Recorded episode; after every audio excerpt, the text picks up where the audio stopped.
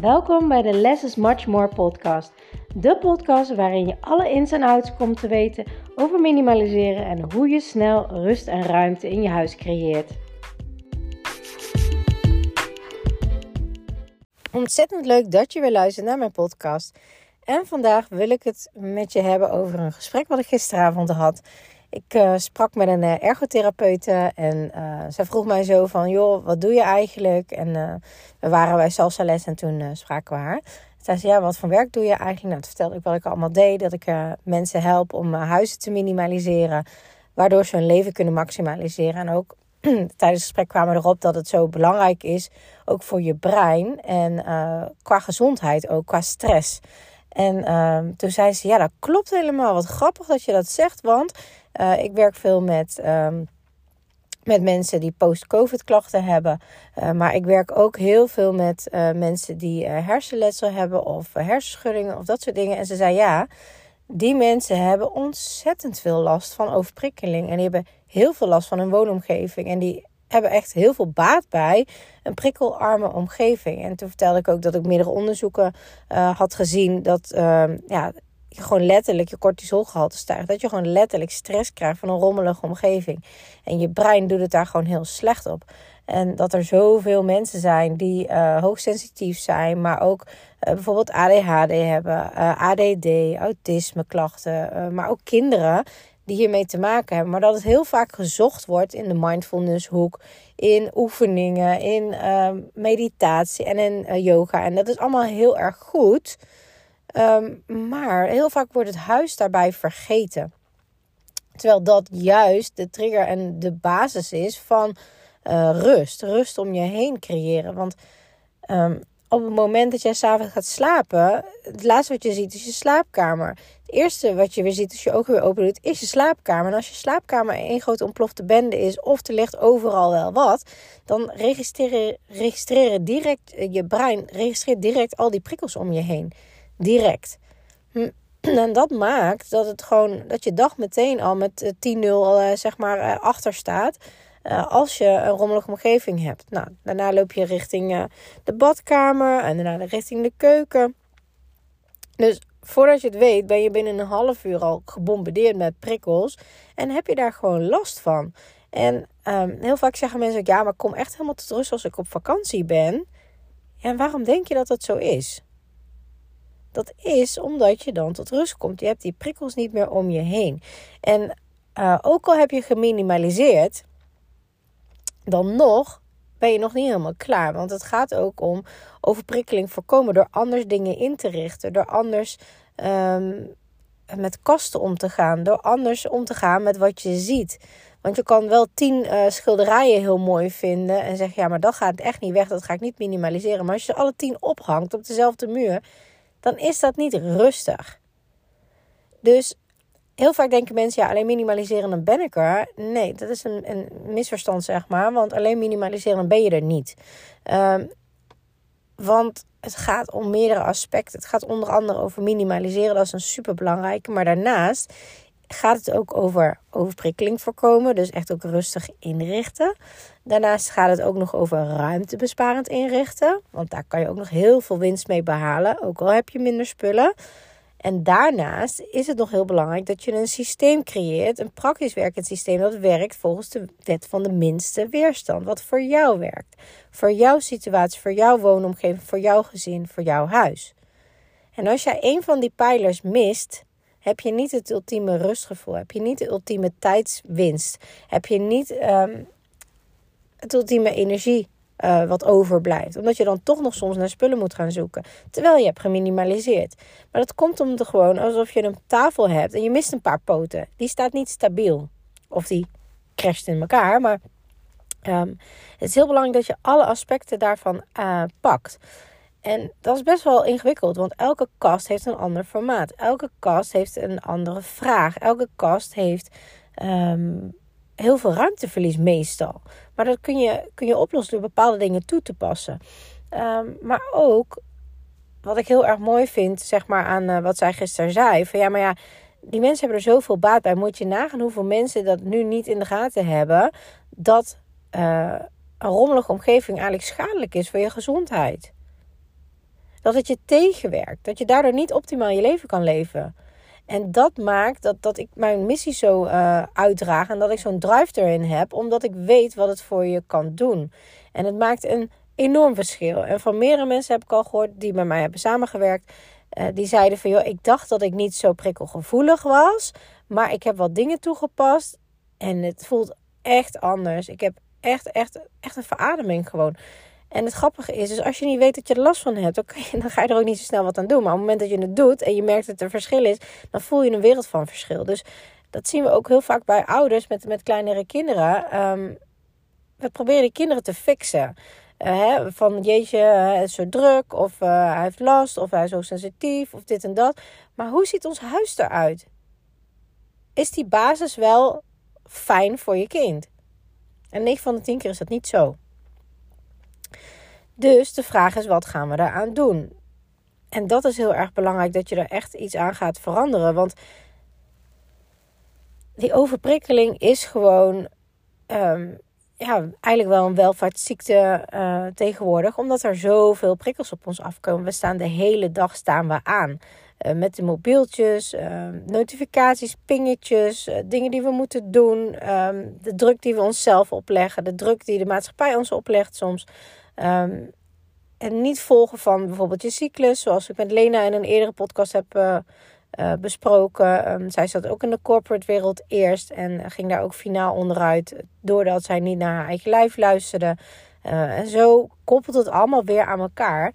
Dat gewoon dit een heel belangrijk onderdeel is. En het is niet, oh minimaliseren, dus ik ga mijn huis wat netjes maken. Nee, het gaat veel en veel verder dan dat. Het heeft op alle vlakken impact.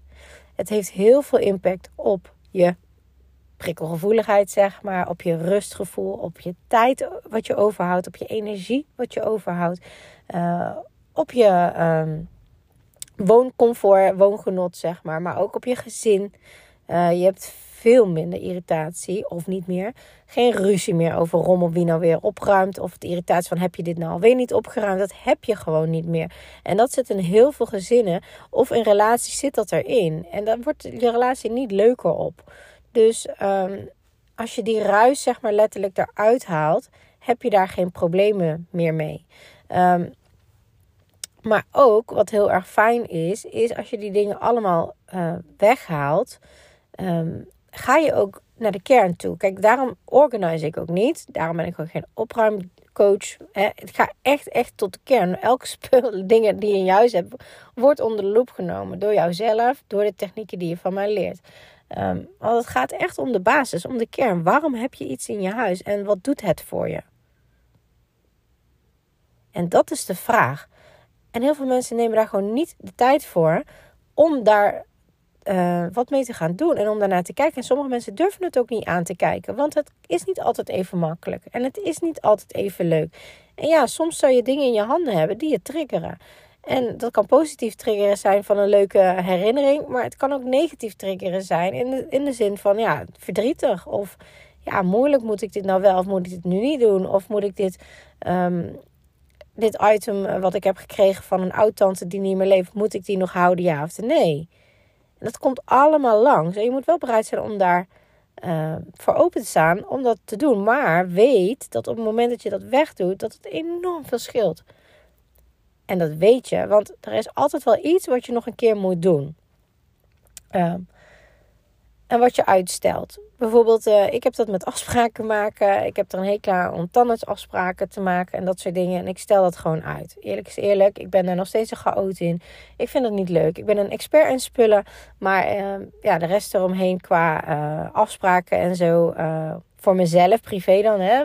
Want natuurlijk de coachgesprekken en zo allemaal ben ik heel goed in. Maar... het plannen van tandartsafspraken en dingen die eigenlijk niet zo'n urgentie hebben, maar wel een keer moeten.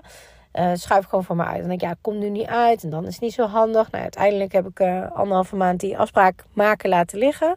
Um, en, um, maar je denkt er wel steeds aan. Of het staat toch steeds weer ergens op een blaadje. Of ergens in je agenda. Ik moet dat nog doen. En elke keer blijf je er toch mee bezig. Nou, gisteren had ik dus uh, gedacht. Nou, ik ga even alle losse eindjes afwerken. Mindmap gemaakt. Alle losse eindjes afgewerkt. En daarna voel ik me gewoon tien keer lichter. Omdat ik dacht, oké, ja, nu is het klaar. Nu is het uit mijn systeem. Ik hoef er niet meer over na te denken. Het is gedaan. En zo werkt het ook met al je spullen. Iedere keer als je naar een kast kijkt, denk je, ah, dat moet ik nog een keer uitzoeken. Ah, ja, dat moet ik nog een keer doen. Dat blijft in je systeem zitten. En dat vraagt heel veel van je. Want elke keer als je langs loopt, denk je er gewoon aan. En zo ook met spullen die triggers hebben. Elke keer als je er langs loopt, wordt het toch onbewust getriggerd. Wordt het gevoel getriggerd. Wordt het item, dat doet iets met je of je het nou in de gaten hebt of niet. Want sowieso leven wij 95% op onbewuste, in ons onbewuste. En maken we daaruit keuzes en gaan we op die patronen door. 5% is pas echt bewust, wat we echt bewust beïnvloeden. Wat we wel en niet gaan doen. Dus als je al die onbewuste triggers laat staan, blijf je ook op de onbewuste patronen hangen. Ehm, en blijf je daarin in ronddraaien, zeg maar. En dat kost je gewoon heel erg veel. Dus de vraag aan jou ook is: ehm, heb jij voldoende rust in je huis? En kijk eens even goed, zoom eens even goed in van ja, maar ja, vind ik het druk? Voelt het druk aan? Of voelt het rustig aan? En daaraan kan je al heel goed merken van oké, hoe ervaar ik het? En uh, dat is ook weer een goede graadmeter van uh, heb ik wel de echte ultieme rust in mijn huis?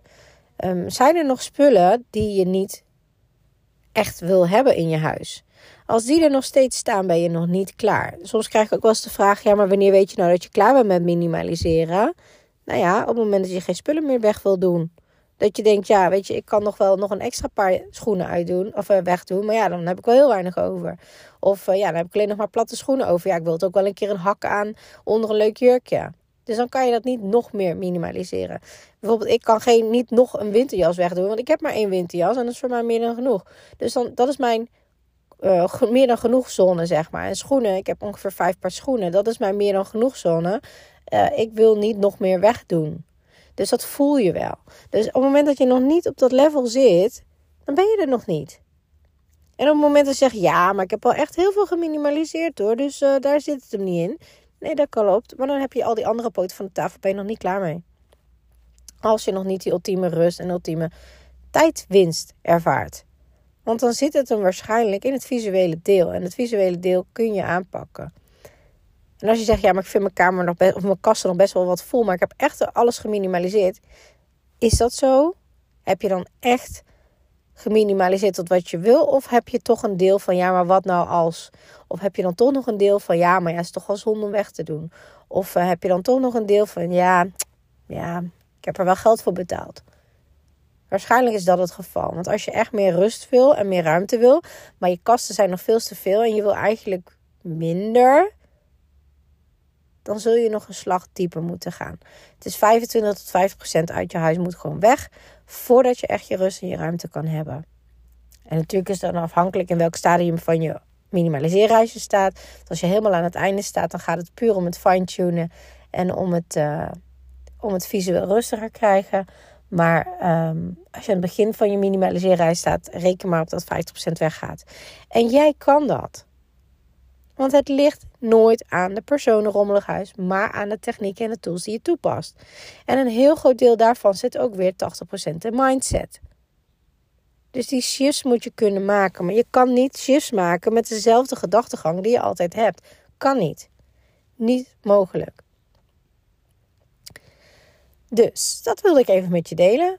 Ik ben heel erg benieuwd, uh, hoe ervaar jij jouw huis? Laat het mij vooral even weten in de DM of via de mail.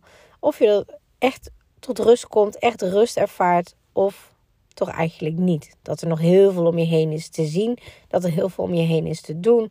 Um, daar ben ik wel even benieuwd naar. Laat me weten. Fijne dag!